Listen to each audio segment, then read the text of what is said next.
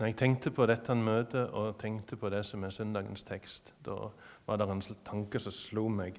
Eh, ikke ta det ille opp. Jeg tenkte at når jeg kommer til dere i misjonssalen, så har jeg lyst til å gratulere dere med et stort og herlig byggeprosjekt. Um, Jesus holder på å gjøre, gjøre, i stand en plass for dere i himmelen. Um, og jeg satt og tenkte i dag, i dag tidlig jeg satt og tenkte på det um, David, han, eh, han hadde blitt konge 1000 år før Jesus, så, um, så får han en tanke. Han har lyst til å bygge et tempel, et stort, fint tempel for Gud. Og, og han sier dette til en profet som heter Nathan. Profeten syns det er en fantastisk idé. Og, og, så må Gud sende Nathan tilbake igjen til David og si at eh, bl.a. Gud vil bygge et hus for deg. Og, og jeg har alltid tenkt at Bygge et hus det høres litt sånn løye ut. Eh, David forsto det som et løfte om at Gud ville gi David et dynasti. Eh, dynasti er et ord som gjerne vi på min alder og eldre forbinder med en serie på fjernsyn. for en god stund siden. Men, men et dynasti handler om at sønnen din eller dattera di skal sitte på trona etter deg. Og deres sønn eller deres datter skal sitte på trona etter deg igjen. Og sånn skal det fortsette. Eh, det å sitte som konge det kunne være et, en, en, flyktig affære tidligere. Eh, når Gud sier at 'jeg vil bygge deg et hus', så sier han 'du og din slekt skal sitte som konge i Jerusalem'. Konge over mitt folk til evig tid. Det er et helt vilt løfte. Og Så slo det meg i dag tidlig at kanskje dette som, som mye annet i Bibelen er, har en dobbel betydning. For David ville bygge et hus for Gud, sånn at Gud kunne bo i, midt iblant sitt utvalgte folk. Og Nathan kommer til David og sier på en måte fra Gud eh, David, du ville bygge et hus sånn at jeg kan bo i, din, i nærheten av folket. Eh, jeg vil bygge et hus for deg. og jeg vil at du skal bo i min nærhet. Og Det sier han til oss alle, og han sier det gjennom det som er teksten for søndagen i dag, fra Johannes 14. Jeg skal lese. La ikke deres hjerte forferdes, sier Jesus. Tro på Gud og tro på meg. I min fars hus er det mange rom. Var det ikke slik, da hadde jeg sagt dere det. For jeg går bort for å gjøre i stand et sted for dere. Og når jeg har gått bort og har gjort i stand et sted for dere, kommer jeg igjen og skal ta dere til meg, for at også dere skal være der jeg er. Og dit jeg går, vet dere veien. Thomas sier til ham, Herre, vi vet ikke hvor du går hen. Hvordan kan vi da vite veien? Jesus sier til ham, Jeg er veien og sannheten og livet.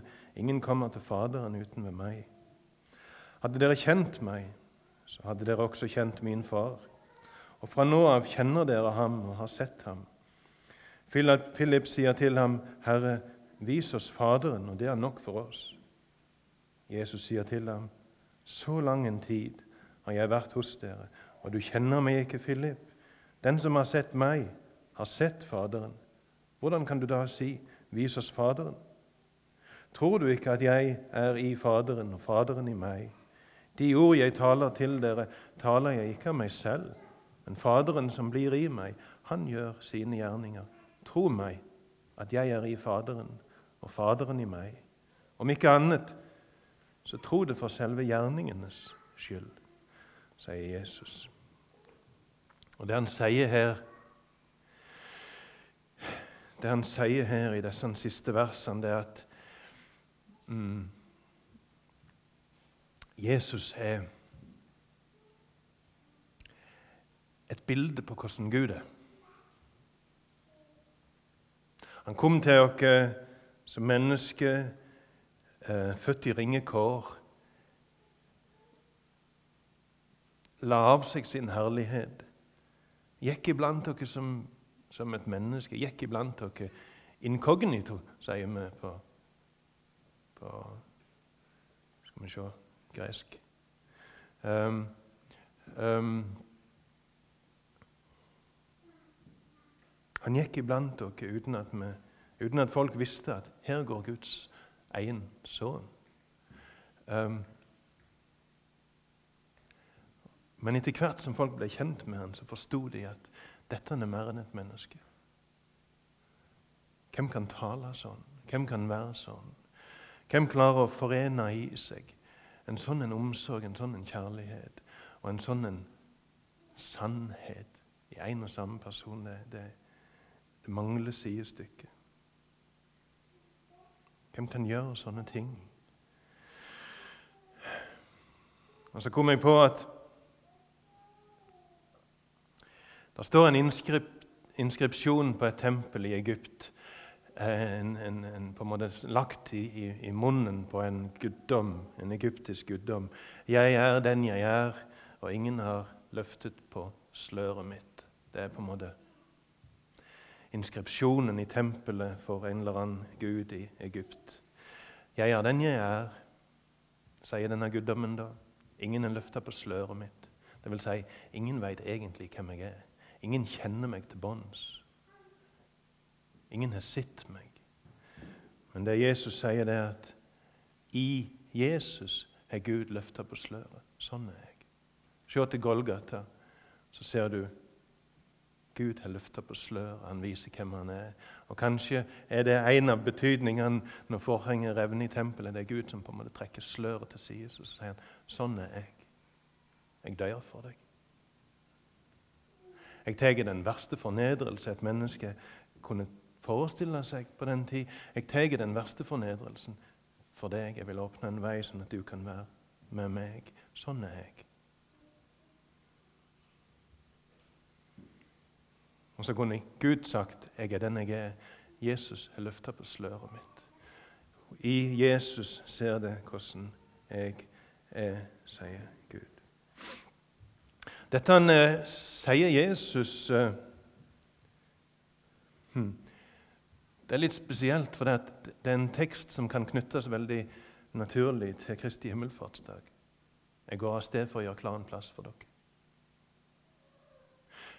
Men Jesus sier det før påske. Han sier det før påske. Han sier det før langfredag, før skjærtorsdag.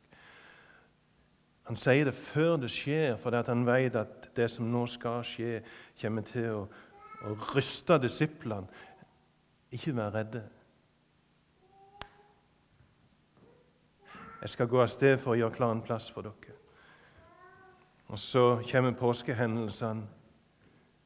Og så er det antagelig sånn med disiplene, sånn som det er med, ja, med oss andre. Etter at det har skjedd, og etter at Jesus har kommet tilbake fra grava, da minnes de å ja, han sa jo at vi ikke trenger å være redde. Typisk. Men hva er det han sier? Det, er, det her er dynamitt, altså. Det er det er ord som vi syns er fine. Jeg går av sted for å gjøre klar en plass for dere. Og Når jeg har gjort klar en plass, så kommer jeg tilbake og skal ta dere til meg for at det skal være der som jeg er. Um, det med, vi, vi forstender ikke dette hvis vi ikke, hvis vi ikke forstender det ut ifra en jødisk eller en, en, en, ut ifra den kulturen og de tradisjonene de, de hadde der. Disiplene forsto det. Her er det brudgommen som snakker. For det som skjedde på den tid og i den kulturen, og som antagelig til en viss grad skjer i, den, i det området ennå, det er at når en mann blir forlova, så reiser han hjem, og så begynner han å bygge et tilbygg på faren sitt hus. Han bruker omtrent et år på det. Han bygger og han bygger og han bygger. Eh, når det tilbygget da står ferdig, da kommer han en dag, en kveld, en natt for å hente brura. bryllupsdagen er ikke fastsett. Det står ingen plass, det er ingen innbydelse. Eh, du er invitert i bryllup, dato sånn og sånn, klokka sånn og sånn. Det står ingen plass. Det er ingen som veit det. Det er ingen som veit den datoen. Kanskje det er det nå, da. 2000 år seinere. Men på Jesu tid var det ikke en fastsett bryllupsdato. Um, så der satt ei bror en plass, ei, ei, ei, ei jente som var forlova, og visste at forloveden min holder på å gjøre klar et hus for oss nå. Um, vi er forlova. Jeg vet ikke når han kommer, men en dag kommer han. Han kommer når huset står klart. Det kommer til å ta ca. et år. Og men, men, ting var ikke i det blå, altså. For det at brura hadde sine spioner. Og brudgommen sine venner spionerte. De kom innom liksom 'Ja, ja, hvordan går det?' liksom. Hmm. Og, så, så fulgte de med. Så ser de, og de sender bud til brura. 'Nå ser det ut som han snart er ferdig.' altså. Og når de virkelig så ut til at nå er huset ferdig, um, da, holdt de vakt, vil jeg tro. De holdt vakt. De satt der på lur, og de så når han sneik seg ut om kvelden på vei til, til brura sitt hus. Og de slo følge med han, og så ble det et, et brudefølge gjennom gaten. Og Han gjerne la de veien litt sånn i krinkelkroker gjennom hele landsbyen. Sånn at alle de som bodde langs etter veien, kunne slå fulle. Og så lagde de litt lyd, og så, og så, så forsto folk nå De visste det at nå kommer det snart et bryllup. Og så kom de seg i klærne og kom ut. Og så ble det et helt svært fulle som kom til brua sin, sin heim. Henta henne og førte henne hjem. Disiplene forsto det. Jesus taler som brudgom her. Og vi er brura. Vi veit ikke datoen, men holder på å gjøre klar en plass. Og Når jeg leser dette, så tenker jeg på broren min Arne, som kjøpte ei leilighet i Kristiansand eh, for en del år siden. Um, og sette i gang Der hadde det bodd ei, ei dame på ei eldre, eldre dame. Hun hadde ikke kunnet tapetsere eller male eller vaske tak. Så han bare så det Jeg river ut alt. Alt. Nytt gulv, nye lister, nytt på veggen, male taket, nye dører, nytt kjøkken, nytt bad. Alt skal være nytt. Det tok omtrent et år.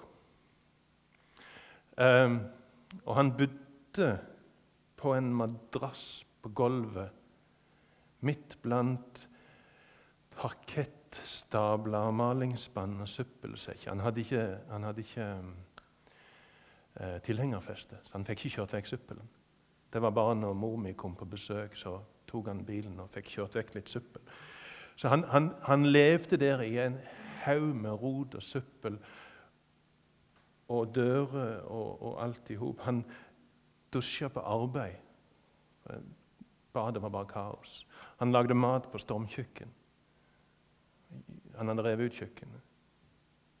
Han fant ut at makrell i tomat er ganske billig. Hvis jeg spiser mer makrell i tomat i plassen for andre ting som er dyrere, så får jeg mer penger å bruke. Og når det kom til lønningsdag, så hadde han sånn 140 kroner igjen på konto. Han levde. Han, han kanaliserte alt inn i å fikse opp ei leilighet som skulle stå klar den 24. mai i 2008. For da skulle han gifte seg med Hillebjørg og føre henne inn i den leiligheten. Og da ville han at det skulle være fint. 24. mai 2008 giftet han seg med Hillebjørg. Og de flytta inn i leiligheten. Tenk den gleden hans når han fører si brud inn i ei leilighet.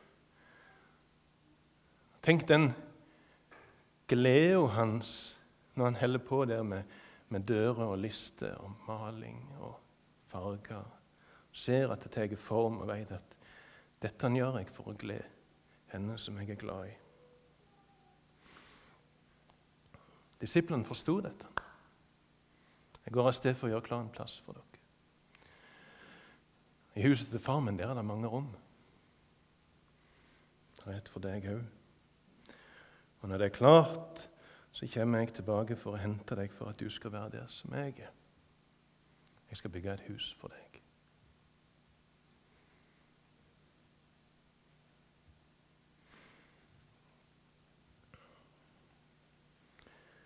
Ja Var det mer jeg hadde tenkt å si? Kom helt ut av det. Um, det som er at Bryllupsmotivet finner du igjen og igjen i Bibelen når du leter. Når du leter, så finner du det. Um, og Det slo meg for en stund siden jeg las mm, Det er ikke godt for mannen å være alene, sier Gud. Jeg vil gi han en hjelper som er hans like. Og Så let han en djup søvn falle over Adam, og så tok han et ribbein. Og av det forma han Eva. Kjød av mitt kjød, blod av mitt blod, sier Adam. Og han fryder seg når han ser Eva. Um, det høres ut som en random ting. En sånn tilfeldig. Hvorfor et ribbein? Hvorfor et ribbein? Er det bare liksom et fett om man tok et ribbein eller ei tå eller en fing? eller... Nei, ikke tilfeldig. Det er ikke tilfeldig.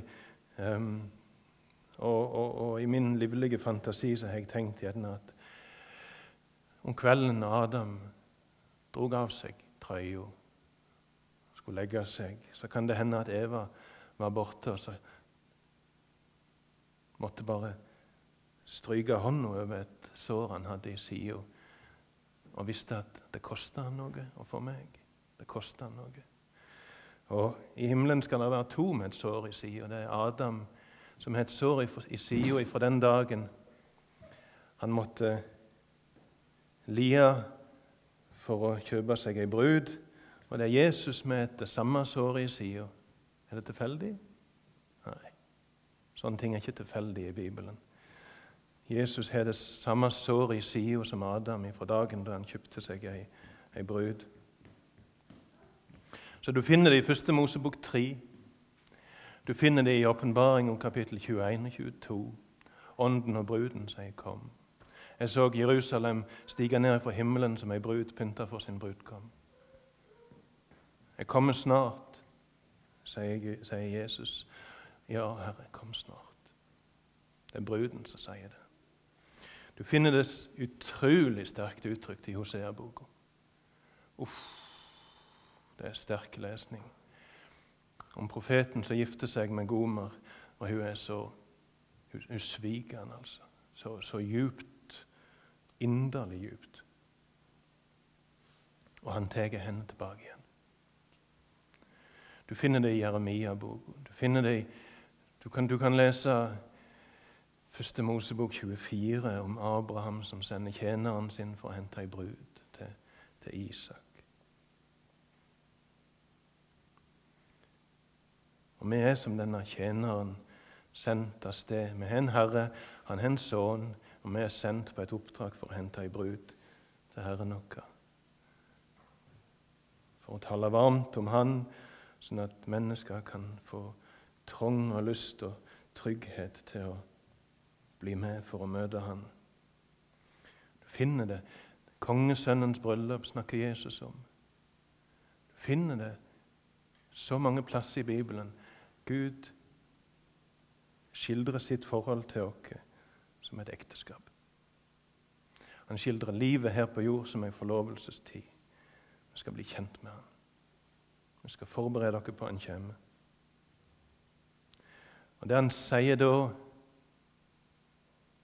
som gjerne ikke vi tenker på Han har gitt deg anledning til å såre han inderlig djupt. Det tenker vi ikke på. Åh, fantastisk fint å være elska. Men den andre sida av saken er at han har gitt deg anledning til å såre han. Og sånn er det. Når Bibelen skal skildre hva, hva det er å være kristen, så, så, tyr Bibelen igjen og igjen til disse sterke relasjonene. Far, sønn, brudgom, brur, venn, søsken. Og jeg husker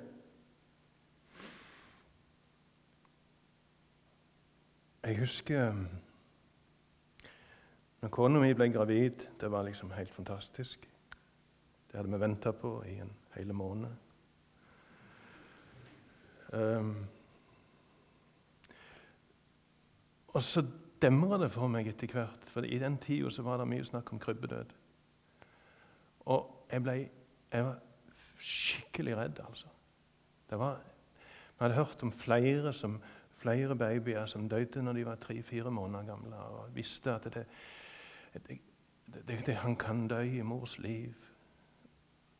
Og, og jeg ble helt sånn der skjelven og, og, og, og, torde ikke liksom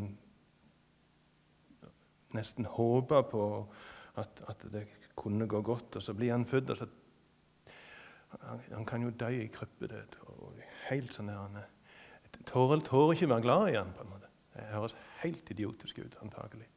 Med mindre noen har opplevd det samme. Jeg, jeg tårer på en måte ikke å slippe kjærligheten til kjærligheten til min egen førstefødte sønn. Han kan jo dø. Og hvis jeg har sluppet kjærligheten til han til for full musikk, så kommer jeg til å bli så ufattelig såra. Og så demrer det for meg at la fare hen la gå, altså. Jeg får heller bli såra. Jeg kan ikke ha det sånn. Og så måtte jeg bare gi det spillerom. Og Gud har gjort det. Gjeng inn i disse dype, sterke relasjonene. Kall dere sønn, kall dere datter, kall dere venn, kall dere bror, søster. Kall dere bror. Og gi dere anledning til å såre ham.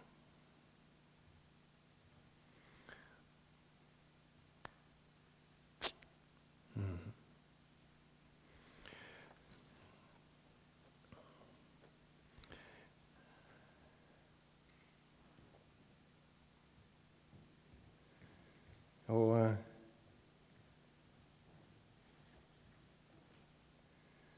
Her på jord er det relasjoner som går sunt. Det vet vi. Og det er gode grunner for det. I mange tilfeller. Eller menneskelig svakhet. Men men um, i Bibelen så møter vi òg den forsmådde Gud. Den, den, den forsmådde frelser som, som, som, som, klager og som spør hvor, hvor feil fant det hos meg. Hvorfor har det forlatt meg? Hva, hva, hva, var det? Hva slags mangel var det du fant hos meg? Hva var det jeg gjorde feil? Et retorisk spørsmål, for han er bare god.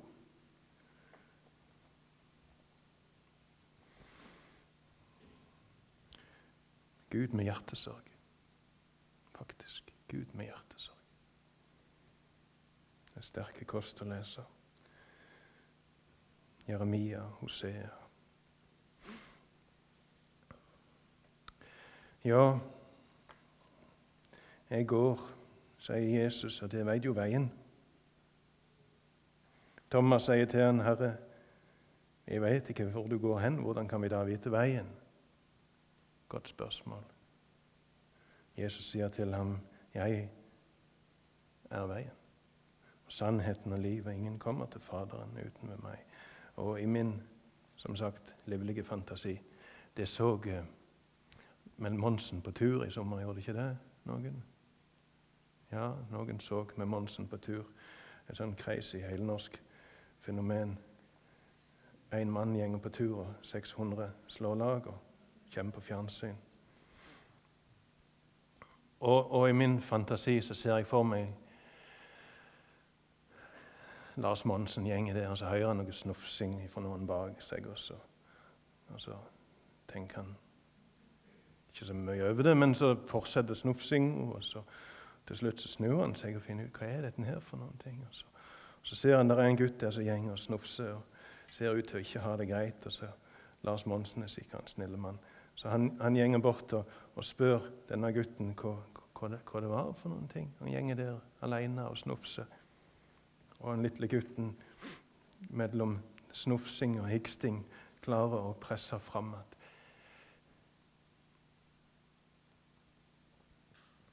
Jeg veit ikke veien. Tenk så fælt. Gå på fjernsyn, og du vet ikke veien. Midt ute på Hardangervidda, eller hvor det var henne. Og så er det at Lars Monsen kan stryke han på kinnet og si du, lille venn Thomas, det er jo jeg som er veien. Det eneste du har å gjøre, er å passe på å holde deg nær meg. Så kan du ikke gå vilt. Det høres litt løye ut når Jesus sier at 'jeg er veien', men, men ja, på et barnemøte i alle fall, så kan en si poenget egentlig Hvis vi holder oss nær Jesus, så kan vi ikke gå vilt. Pass på å være i nærheten av Han, så kommer du fram.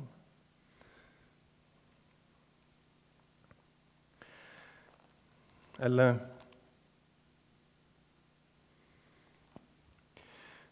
Jesus henger på, på korset og åpner ei bru over en avgrunn av syndene våre. Jeg har ikke lest at synd er det samme ordet som sund. Et havstykke som deler. Skape avstand, isolere. Og kanskje er det Kanskje er det sånn at når de skulle finne et ord for, for synd, så tok de til noe de kjente fra kysten. Noe som skiller.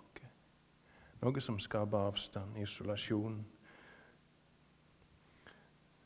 Og så henger Jesus der, og så, og så lager han ei bru over av, en avgrunn av syndene våre. Han, paven blir kalt den store brubyggeren, men det er Jesus som er det. Jesus er den store brubyggeren. Pontifek Maximus. Han er den store brubyggeren, og når han har gjort ferdig ei bru, så er det en som står klar til å krysse som førstemann. Vet du hvem det var? Første som krysset brua som Jesus hadde lagd og en røver. ikke det litt kult? Hvis vi hadde hatt et svært bruprosjekt inne i Ryfylke, eller hvor det var, så hadde sikkert en eller annen ordfører eller noe stått der i den fine bilen sin og klar til liksom å være førstemann til å kjøre over den nye brua. I det største veiprosjektet i verdens historie. Det var den røver som fikk være førstemann over. I dag skal du være med meg i paradis. Nå har jeg gjort ferdig en vei. Det er ikke bompenger engang. Trenger ikke kjøre elbil.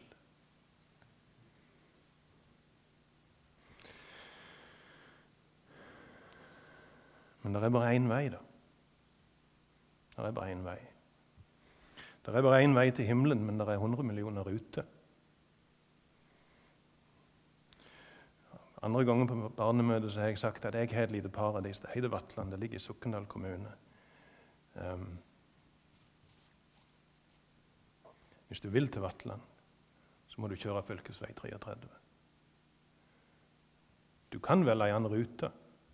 Du kan velge å legge veien om Sibir. Men du må til slutt inn på fv. 33, ellers kommer du ikke til Vatland. Og Hvis du har bestemt at akkurat fv. 33 har ikke jeg lyst til å kjøre, så er det helt greit. Men da kommer du heller ikke til Vatland. Det er 100 millioner ruter, men alle må til slutt inn på én vei, og den heter Jesus. Og Hvis du ikke vil den veien, så kommer du ikke fram. Så enkelt er det. Vi takker deg, kjære Jesus, at du har åpne en vei til himmelen for oss. Uten bompenger, uten krav om elbil.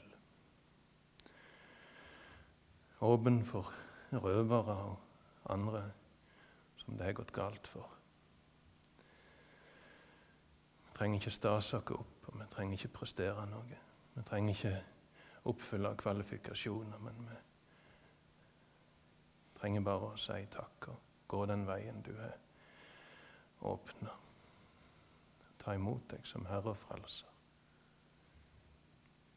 Vi takker deg, Jesus, at du holder på å gjøre klar en plass, og vi tror at du akkurat nå gleder deg til den dagen da du skal komme og hente oss hjem. Du gleder deg antagelig mye mer enn vi. Du eh, lengter etter den dagen mye mer enn det vi gjør. Eh, vi kan bli så travelt opptatt med all verdens bagateller i dette livet. Men vi ber om at vi må være klare den dagen du kommer. At vi må se stort på det at du holder på å gjøre klar en plass for oss. Vi forlover med deg, Jesus. La oss bruke tida godt til å lære å elske deg.